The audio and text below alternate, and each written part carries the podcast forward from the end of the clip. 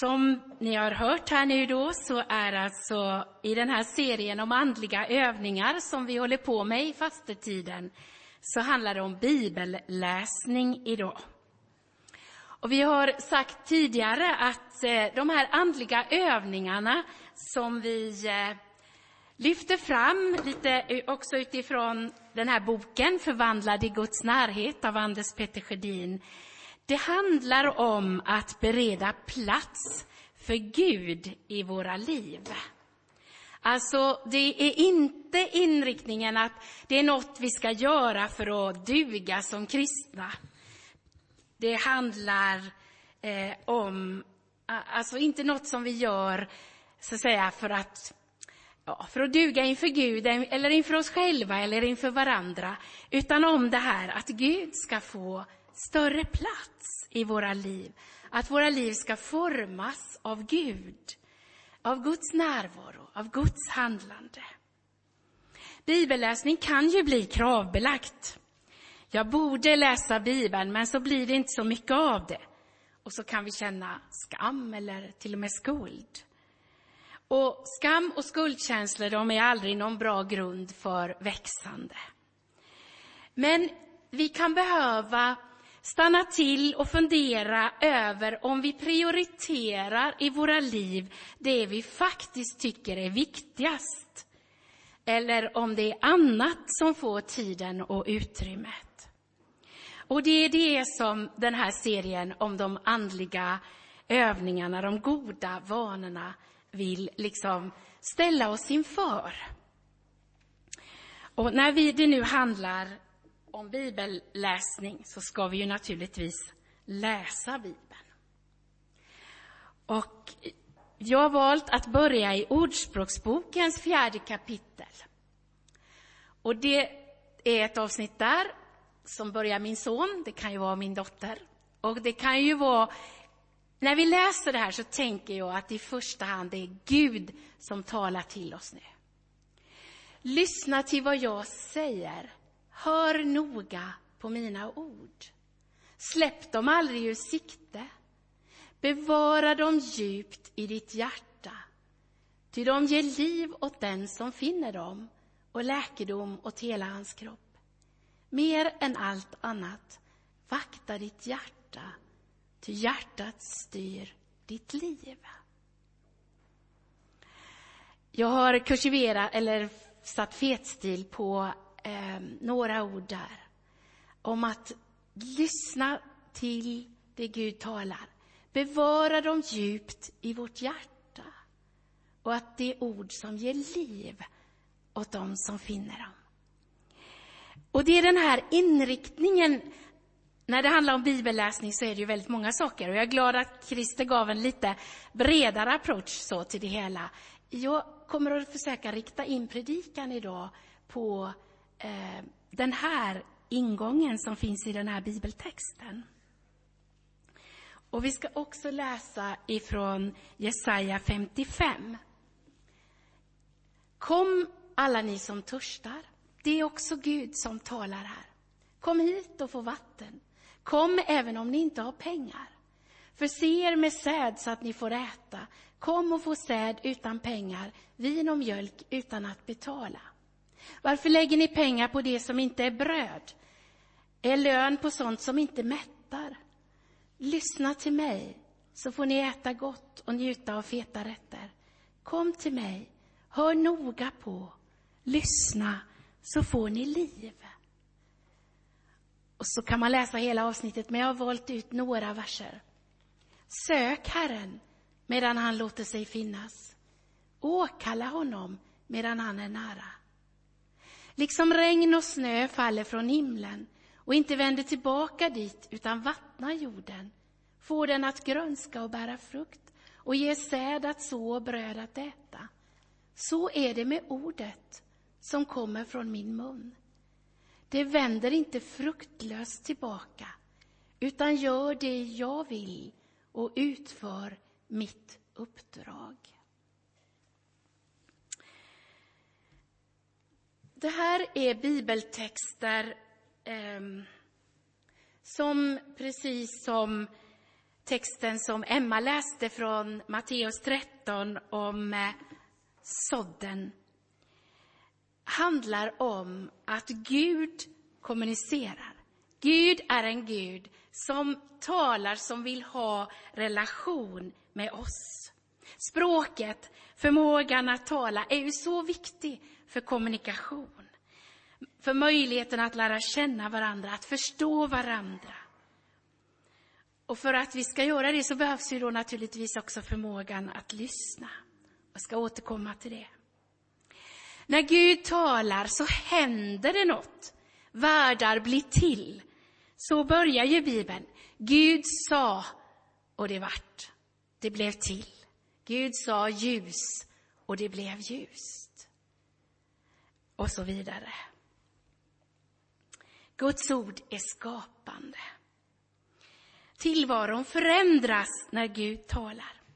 Och hela Bibeln är fylld av berättelser om hur Guds närvaro och Guds tilltal förändrar människor och situationer. Och när vi läser Bibeln, alltså man kan ju läsa den som en historiebok, alltså bara skaffa sig en överblick över det här har hänt. Men om vi läser Bibeln i syfte att bereda plats för Gud i våra liv, då läser vi inte eh, om Mose, hur han möter Gud i en buske som ser ut att brinna. En Gud som talar, jag har sett hur folk har det. Jag vill att använda dig som ett redskap. Vi läser inte bara om Moses som något som hände då, utan Gud, vad vill du säga in i mitt liv? Vad är det för kallelse, för uppdrag du har för mig? Vad är det för situationer omkring som du vill att jag ska se och lita på att du vill göra någonting åt och där jag kan få vara en del? Och så kan man fortsätta. Bibeln talar om Rut, om David, om Ester, om Daniel, om Maria som fick besök av en ängel. Och ingen av oss tänker väl att vi ska ha samma uppdrag som Maria hade, att föda Jesus. Det var en unik uppgift. Men hennes förhållningssätt i relation till Gud, hennes ja till Gud, kan ju också vara något som liksom verkligen kan vara något som Gud talar in i våra liv och vi får stanna inför. Hur ska jag gensvara? Vi kan stanna inför Josef, eller Petrus, eller Johannes. När Jesus frågar Petrus, älskar du mig? När han har svikit och förnekat. Det kan ju också vara en fråga som går så där rakt in i ditt och mitt liv. Vi har berättelser om hur Gud handlar, hur Jesus handlar. I Paulus liv, i Dorkas liv, i Timoteus liv. Och det här, kan, det här har hänt, det har format historia. Men det kan också vara så att vi läser det in i våra egna liv. Vad, vad har det för anknytningspunkter? Det som Gud gör i deras liv. Vad kan det ha för anknytningspunkter i mitt liv? I det Gud vill forma fram i mitt liv nu. Det som jag framförallt eh, vill ägna den här predikan åt är det som vi kan kalla för andlig läsning, eller på latin lectio divina. Eh, det är lite annorlunda än bibelstudium. Det är bra att studera Bibeln, att skaffa sig bakgrundsfakta, att se hur olika delar hänger samman. Det kan ge någonting mer att veta när man läser profetböckerna. hur var den historiska situationen då, att jämföra med de historiska böckerna i Gamla testamentet? Ehm, allt sånt där, det är ju bibelstudium. Och jag tycker det var väldigt gott råd, jag understryker det det är gott att också göra det tillsammans. Vi kan upptäcka mer, lära oss mer. Men det som kan finnas risk med eh, när vi eh, studerar, det är att på något sätt så tar vi en slags analyserande roll. Det är som att det är vi som ska ha kontroll och få saker på plats, veta hur det förhåller sig. Alltså någon slags erövrande känsla kan det finnas i det i våra liv?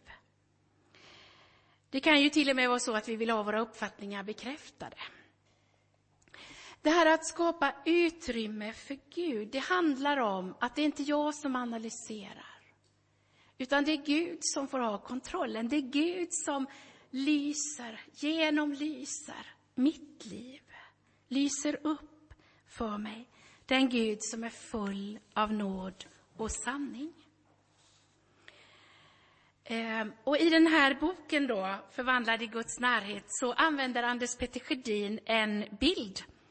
Ehm, han säger att man kan gå på en vacker strand och njuta av miljön, påverkas av solskenet och vågskvalpet och det uppfriskande vattnet. Och man kan ju gå där gång efter gång och liksom bara ta in allt som finns där. Och så en dag så kommer någon med eh, en cyklop och en snorkel och säger du kan dyka under ytan, upptäcka det som finns där. Och det kan ge en ny dimension. Men det gör ju inte att man, man måste ju inte göra det. Man måste inte ha hela den för att liksom kunna beröras av det, ta in det som finns på stranden. Och jag som eh, tänkte nu måste jag ha med mina vitsippor som jag var ute och fotograferade igår. Jag tog, tänker mig så här att det är ju roligt, jag tycker det är roligt att veta vad växter heter. Um, men man måste ju inte veta att den heter vitsippa för att kunna glädja sig åt den. Man måste inte veta vad den heter på latin, man måste inte kunna hur många ståndare och pistiller och kronblad och allt det är. Det kan vara bra i vissa lägen. Ehm, men för att få den där känslan, våren är på gång, livet vänder åter, det är starkare en kyla. För att liksom ta in det som en god vän till mig skrev i en dikt, att Vitsippsbacken är Guds stjärnevärld på jorden, för att de som har svårt att se uppåt ändå ska se Guds löftesstjärnor. Att på något sätt ta in det här i sig, det kan man göra utan att ha en massa biologiska kunskaper. Och jag tror att, eh, utan att på något sätt förringa det här med att vi behöver ha kunskap när det gäller Bibeln. Och det finns mycket som man kan fundera på, hur ska man tolka och så. Så tror jag att det som jag ville försöka inspirera till idag är lite som det där, att gå på den där stranden. Att kanske våga gå ut i vattnet. Att se blommorna och uppfyllas av vår och liv. Alltså något av det förhållningssättet när vi läser Bibeln.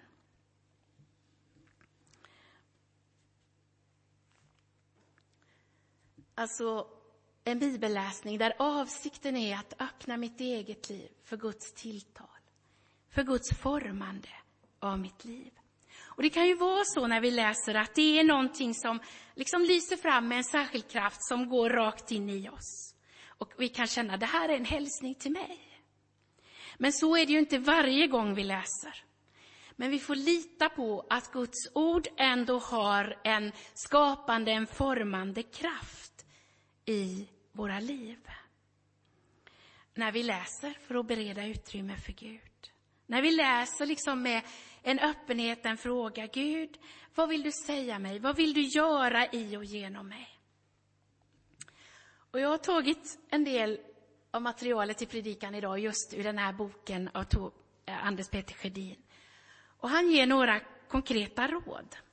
Han säger, försök hitta en plats som är så lugn som möjligt. Kan du så röj undan sånt som stör. Det där med inre stillhet, det är kanske det svåraste för många av oss i vårt samhälle. Det är mycket som flyger och fladdrar. Ett sätt kan ju vara att andas ut och andas in och liksom tänka Gud, jag andas ut. Det som oroar mig, det som distraherar mig. Jag vill andas ut det inför dig nu. Ta det. Och så vill jag andas in din närvaro, din frid. Din hjälp att öppna mitt inre för dig.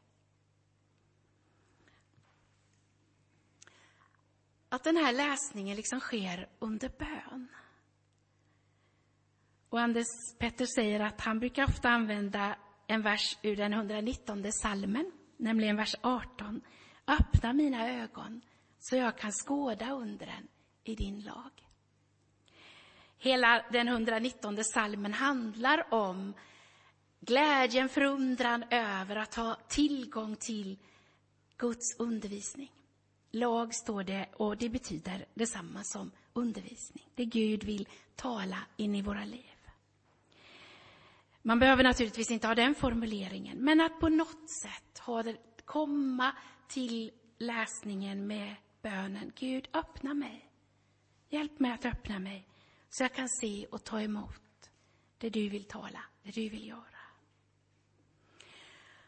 Och så kan man välja en bibeltext. Jag ska återkomma lite till det. Det behöver inte vara lång. Man kan följa en bibelläsningsplan. Men jag tror att det kan vara viktigt då att känna att man har frihet att stanna vid ett avsnitt om man känner att det här, det här behöver jag hålla på med en längre tid. Det är liksom ingen sport att jag måste liksom ha fyllt i för varje dag och kommit runt på en viss tid. Ehm, det kan ju vara bra i vissa skeden av livet om att man känner att jag vill ha läst igenom Bibeln. Men när vi talar om den här andliga läsningen så är det viktigare att vi lever i en, i en samspel med Guds heliga Ande. Vad är det Gud vill liksom föra in, befrukta mitt liv med nu, i det skede jag är nu? Att läsa en bibelbok, följa kontinuerligt och då kan det också vara så att man kan ju läsa igenom för att få den där överblicken. Men sen kan man välja små portioner så man hinner liksom stanna upp inför dem. Eh, liksom gå och tänka på dem, idissla dem. Syftet är ju att bereda plats för Gud. Om man läser ur evangelierna om man inte har läst Bibeln tidigare, då är vi många som brukar säga att ja, men börja gärna med Markus evangeliet eller Lukas evangeliet. Markus berättar liksom rappt på vad som händer. Lukas har mycket av den här omsorgssidan som Jesus visar. Läs något stycke. Använd fantasin. Försök liksom gå in i. Och då kan man tänka lite sådär helhetsperspektiv. Man är någon slags fågel som flyger där och ser vad det är som händer. Eller man känner, jag är som Petrus i den här händelsen. Eller någon annan av dem som finns där. Den som är blind, den som är lam, eller vad det nu är som berättas. Hur berör det som Jesus säger, det som Jesus gör, mig i min situation, i mitt liv. Det ger sig inte alltid så här direkt, men det kan vara en bön att leva med. Kanske upptäcker vi något som är viktigt om oss själva och om det som Gud håller på att göra. Vi är ju mitt i fastan och enligt kyrkoåret så är det midfastosöndagen idag som handlar om Jesus som livets bröd. Och då kan vi läsa texter om hur Jesus mättar hungriga med några bröd och fiskar. Hur han talar om sig själv som det levande brödet som har kommit ner från himlen för att ge den här världen liv. Vi har lyst ut att den som vill kan pröva den här dagen att ha en fastedag. Och då kan det ju vara bra att tänka över just det här. Hur mycket tid tar det egentligen i mitt liv att handla och laga mat för mitt och mina närmastes fysiska välbefinnande. Det är ju gott. Jag menar inte att vi ska sluta med det. Men vi kan ställa det lite i relation till hur mycket tid får det ta att skaffa näring för mitt och mina närmastes andliga välbefinnande. Vad betyder det i praktiken i mitt liv att Jesus är livets bröd? Att människan lever inte bara av bröd, utan av allt som utgår från Guds mun, som Jesus säger. Jag har sagt i några predikningar att jag levde några veckor med en saltasalm, den 62, som handlar om att bara hos Gud finner jag ro. Från honom kommer min räddning. Håller man på en längre tid så lär man sig nästan utan till. Även om man inte skulle sådär väldigt medvetet gå in för att memorera. Det kan ju vara jättebra om man gör det. Men man kan tänka på det under dagen. Och man, den heliga Ande kan påminna oss när vi behöver. Något ord sådär särskilt. Den första salmen i Saltaren. Nu har jag tagit, jag brukar oftast läsa Bibel 2000, men här har jag tagit från folkbibeln. Eh, jag tyckte att den översättningen var bättre. Salig är den som inte följer de ogudaktigas råd och inte går på syndares väg eller sitter bland bespottare, utan har sin glädje i Herrens undervisning och begrundar hans ord dag och natt. Han är som ett träd planterat vid vattenbäckar, vilket bär sin frukt i rätt tid och vars blad inte vissnar. Allt vad han gör lyckas väl.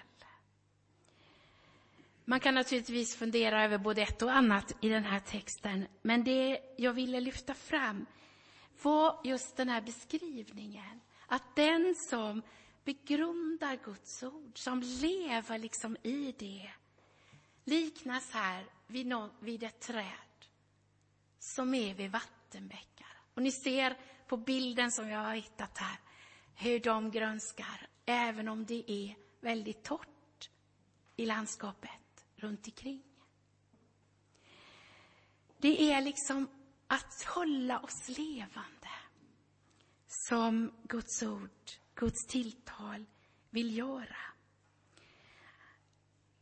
Att vi får ha rötter som liksom kan hämta upp livet, näringen, det rena, det friska från Gud. Man kan leva med den här salmen och be att den heliga anden väcker en djupare längtan i mitt liv efter att kunna leva livet så att jag kan prioritera tid och utrymme för Guds ord, för Herrens undervisning. Och ordet som är översatt begrundar i vers 2 här. I Bibel 2000 står det tänker på. Och på engelska heter det meditate, meditera. Ordet meditera har för många av oss eh, liksom blivit färgat av ett österländskt, ett buddhistiskt, ett hinduistiskt andlighet, där meditation handlar om att tömma sitt sinne. Det handlar inte om när det är biblisk meditation, utan det handlar om att fylla vårt sinne. Det är inte så att vi ska koppla bort våra tankar och våra känslor, utan det ska fyllas av Guds närvaro, Guds levande ord. Vi öppnar för Jesu tilltal, hans handlande, genom sin heliga Ande. Och meditation enligt Bibelns världsbild handlar inte heller om bara något liksom stilla inåtvänt. Eh, på hebreiska, så, som är grundspråket här, så betyder det här ordet som är översatt med begrunda eller tänka på, meditera över. Det betyder ljudligt och verbalt mumla. Alltså bibeltexter är avsedda att läsas högt och att höras. Ehm, alltså det där ordet kan användas om eh, en duva som kuttrar eller ett lejon som morrar. Alltså det är någonting som hörs när man begrundar, när man tänker på, när man mediterar. Det kommer inte riktigt fram i vårt sätt att tänka ihop med de orden. Och det tror jag kan vara första steget i en förnyelse av vår bibelläsning. Det är att läsa högt. Det går ju inte alltid men kanske oftare än vi har prövat. när vi hör orden samtidigt som vi ser dem så händer något mer än när vi bara ser dem. Man kan ju ta hjälp av någon som läser. Eh, jag ska återkomma till resten av den där texten sen. Christer var ju inne på det här att det finns god hjälp på internet. Man kan söka på till exempel Bibeln uppläst och få en massa bra förslag. Där man kan ladda hem eller på olika sätt lyssna till Bibeln inläst. Eller Bibeln i mobilen, det där är ju Christer bättre på än jag. Eh, så han har ju redan pratat om det. Jag hittade ett par bra ställen där man kan eh, få bibelfokus.se eller voxbiblia.se. Sen finns det många internationella, de här där man kan hitta Bibeln på massor av språk. Hur många sa du? Nej, det var inte så viktigt med faktakunskaperna. Det viktiga var att vi läser. Um, det kan ju ge en möjlighet att eh, ta in Guds ord också i sammanhang när vi inte kan läsa själva.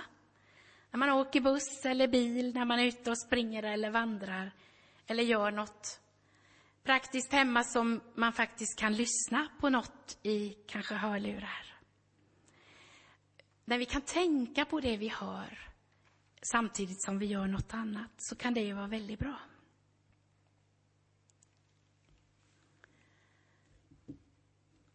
Vad ska du läsa?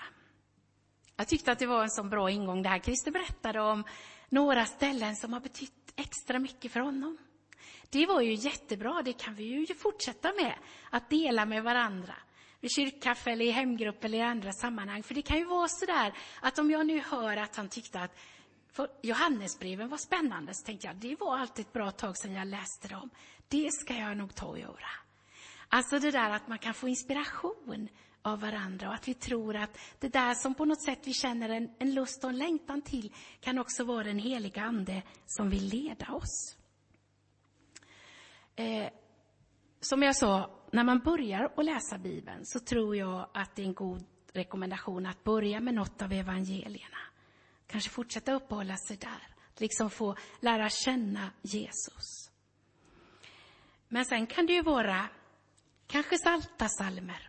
Eller eh, apostlagärningarna. Eller något av breven i Nya testamentet.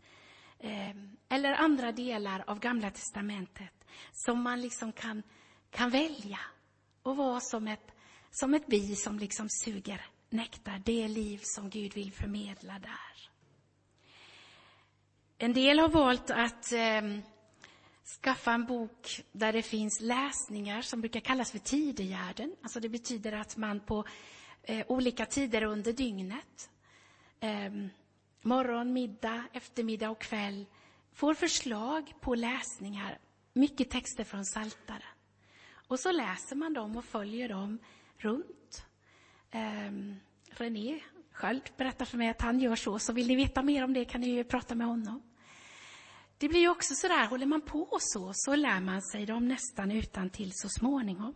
Och vill man inte, har man inte möjlighet att liksom läsa flera gånger under dagen, så kan man väl välja morgontexterna en period och middagstexterna en annan period och så.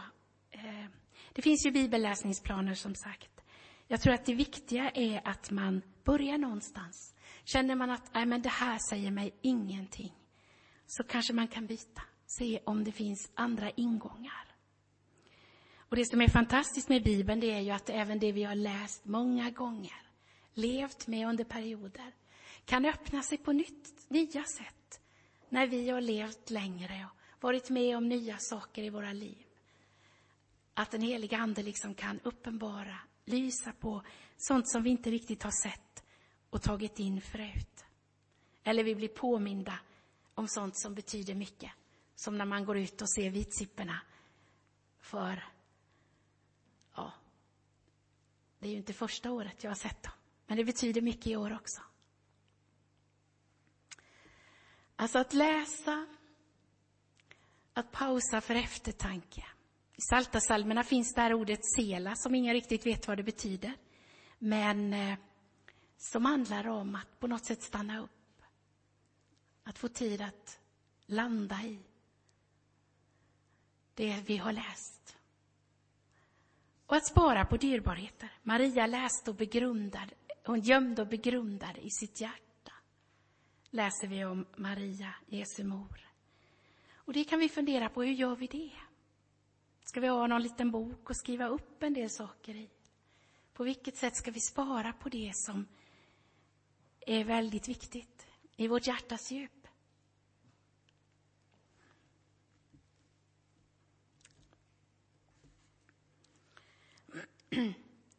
När vi läser och begrundar bibeltexter så praktiserar vi en helig vana som hjälpt Jesu efterföljare att älska och följa Gud under århundraden. Och Anders Peter berättar om Augustinus som i sin bok Bekännelser sommaren 386 satt under ett fikonträd och hörde en röst säga Tag och läs. Och han öppnar Bibeln och läser i Romarbrevets trettonde kapitel och trettonde vers. Låt oss leva värdigt som det hör dagen till, inte med festande och drickande, inte med otukt och orger, inte med strider och avund. Och det talar rakt in i hans liv. Och han som är en ung jurist, hans liv liksom vänds om och han förvandlas, blir en av kyrkans stora teologer. Drygt tusen år senare så lyste Gud, också genom Romarbrevet, men nu från första kapitlet och sjuttonde versen, för Martin Luther. I evangeliet uppenbaras nämligen en rättfärdighet från Gud genom tro till tro. Som det står skrivet, den rättfärdige ska leva genom tron. Och det revolutionerar livet för Martin Luther. Och det förändrar också livet för många andra när han delar sin undervisning. Och så är historien full av människor som har formats av Guds ord. Som har genomlevt stora svårigheter och vunnit fasthet genom Guds ord. Som har förmedlat Guds ord till andra så att Guds liv förvandlar fler. Och i den historien så är vi med.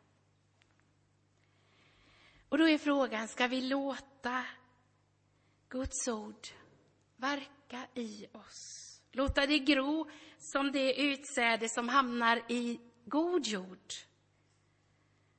Eller är vårt inre som den hårda marken, där det inte får fäste? Eller där vi är upptagna av allt annat än av Gud och Guds avsikt med våra liv?